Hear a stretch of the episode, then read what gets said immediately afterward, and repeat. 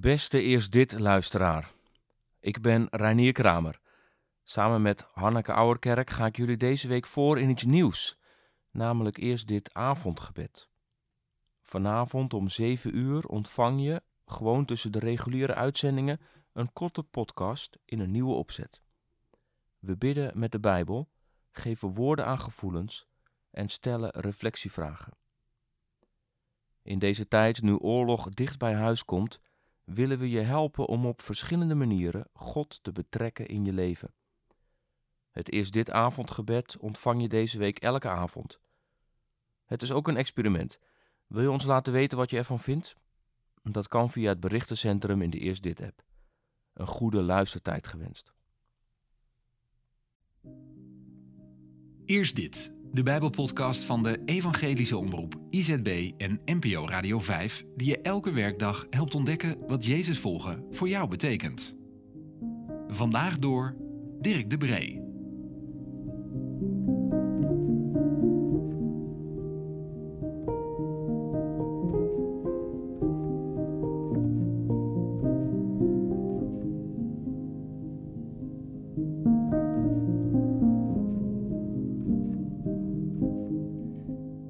Beginnen vandaag aan de tweede Korinthebrief. Het gaat over lijden en over de betekenis daarvan en het gaat over troost. We lezen 2 Korinthe 1 vers 1 tot en met 11.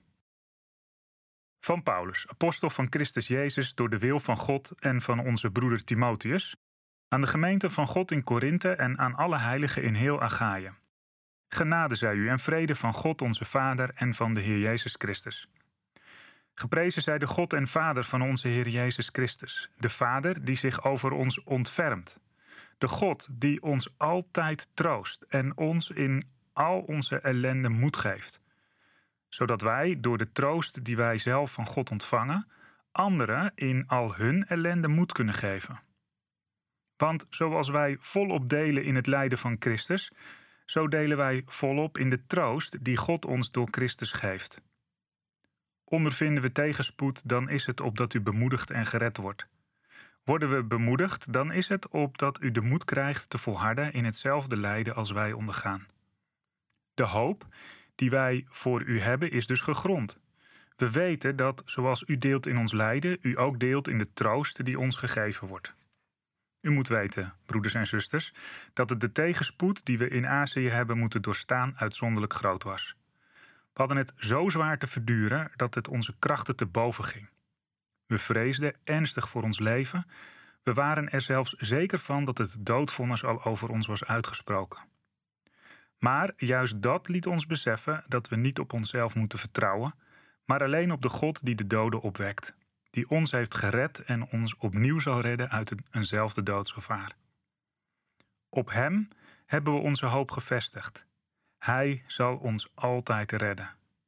En ook u bent ons tot steun door voor ons te bidden. Zo klinkt uit talloze monden de dankzegging voor de gunst die Hij ons bewezen heeft.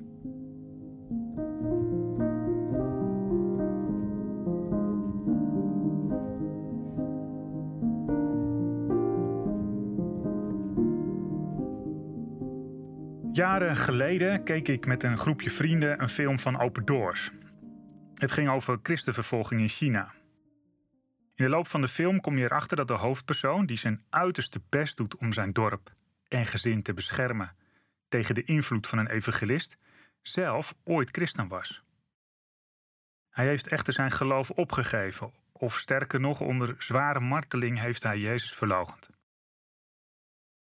In flashbacks zie je het lijden wat deze man mee heeft gemaakt. Ik herinner me nog goed hoe dat ons. Je kunt je geloof verliezen als er echt lijden komt. God behoedt je blijkbaar niet voor lijden. Eén vriend kon echter maar moeilijk meekomen met de film en ons gesprek. Hij kon zich niet voorstellen dat God zulk zwaar lijden zou toestaan. God zal je de kracht geven om vol te houden, zo stelde hij. En hij wist dat te onderbouwen met enkele psalmcitaten. God zal ervoor zorgen dat je de pijn niet zal voelen. Kijk maar naar de vrienden van Daniel. Dat moment is me altijd bijgebleven. Het onverzettelijk geloof van mijn vriend dat God je zou behoeden voor pijn. Er bleek iets onder te zitten. namelijk een sterke overtuiging dat de opstandingskracht van Jezus het lijden van het kruis volledig heeft uitgewist. En dat voor zijn volgelingen voortaan de glorie geldt en niet meer het kruis. Een echte martelaar sterft met opgeheven hoofd. Inmiddels ben ik ervan overtuigd. Dat denken is zeer eenzijdig en niet christelijk. Paulus stelt zich er tegen te weer in deze brief. Het zal blijken dat er in Korinthe invloedrijke mensen zijn die zijn gezag als apostel betwisten. Zij vinden Paulus niet krachtig genoeg. Zijn verschijning is niet charismatisch, zijn woorden overtuigen niet. Hij is zwak in hun ogen en het lijden wat hem overkomt een bewijs dat God niet aan zijn kant staat.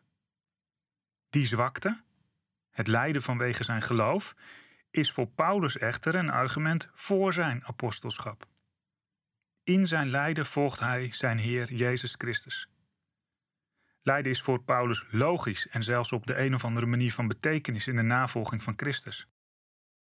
Dat lijden wat hij ondergaat zal, zo stelt hij, tot zegen zijn van de gemeente in Korinthe. Juist omdat Paulus te maken heeft met diep lijden, heeft hij ook de overweldigende troost van God ervaren. Die troost raakt dieper dan welke troost je ook maar kunt vinden op aarde. Het is de troost waar ieder mens naar hunkert. Want als iets ons mensen verbindt, is het wel het lijden. We hebben of krijgen er allemaal mee te maken. Diep verdriet, wanhoop, pijn en daarmee gepaardgaande intens verlangen naar troost, medelijden. Iemand die ons dragen kan. Simone Weil schrijft ergens: De uitzonderlijke grootheid van het christendom ligt in het feit dat het geen bovennatuurlijke oplossing zoekt voor het lijden, maar een bovennatuurlijke bestemming ervoor. Ik vind dat prachtig verwoord. Lijden waarin een bovennatuurlijke bestemming te vinden is. Die bestemming ligt niet voor het oprapen. Daar zal ieder mens stevig mee moeten worstelen. Het gaat daarbij niet om het nut van het lijden, alsof pijn in zichzelf nuttig voor je zou zijn. Nee, het gaat om de aanwezigheid van God. Die diepe troost die je juist door de nacht van de pijn en het lijden ontvangen mag. Als een geschenk. Een genadegave. De leerschool van het lijden is een leerschool in kwetsbaarheid en het openen van je handen om weer en meer te ontvangen. Is een leerschool in geduld. Het stellen van trage vragen en het volhardend verlangen naar troost en genezing. Is een leerschool in verwachting. Lijden met Christus in het geloof dat er in Hem ook altijd weer opstanding te vinden is. Een weg, dwars door de dood naar het leven.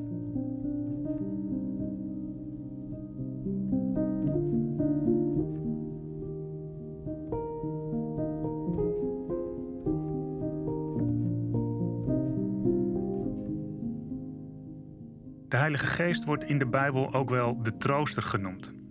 Wat betekent het voor je dat God je trooster is?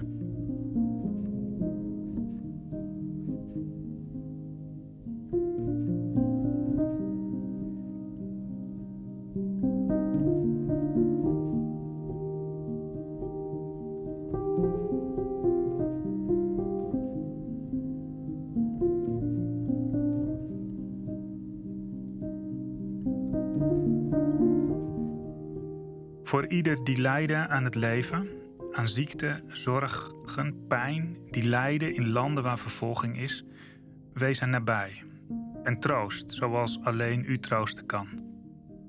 Maak waar in mijn leven dat in alles wat ik meemaak, ook de donkere diepte, dat u mij vormt naar uw beeld, getroost om anderen te troosten.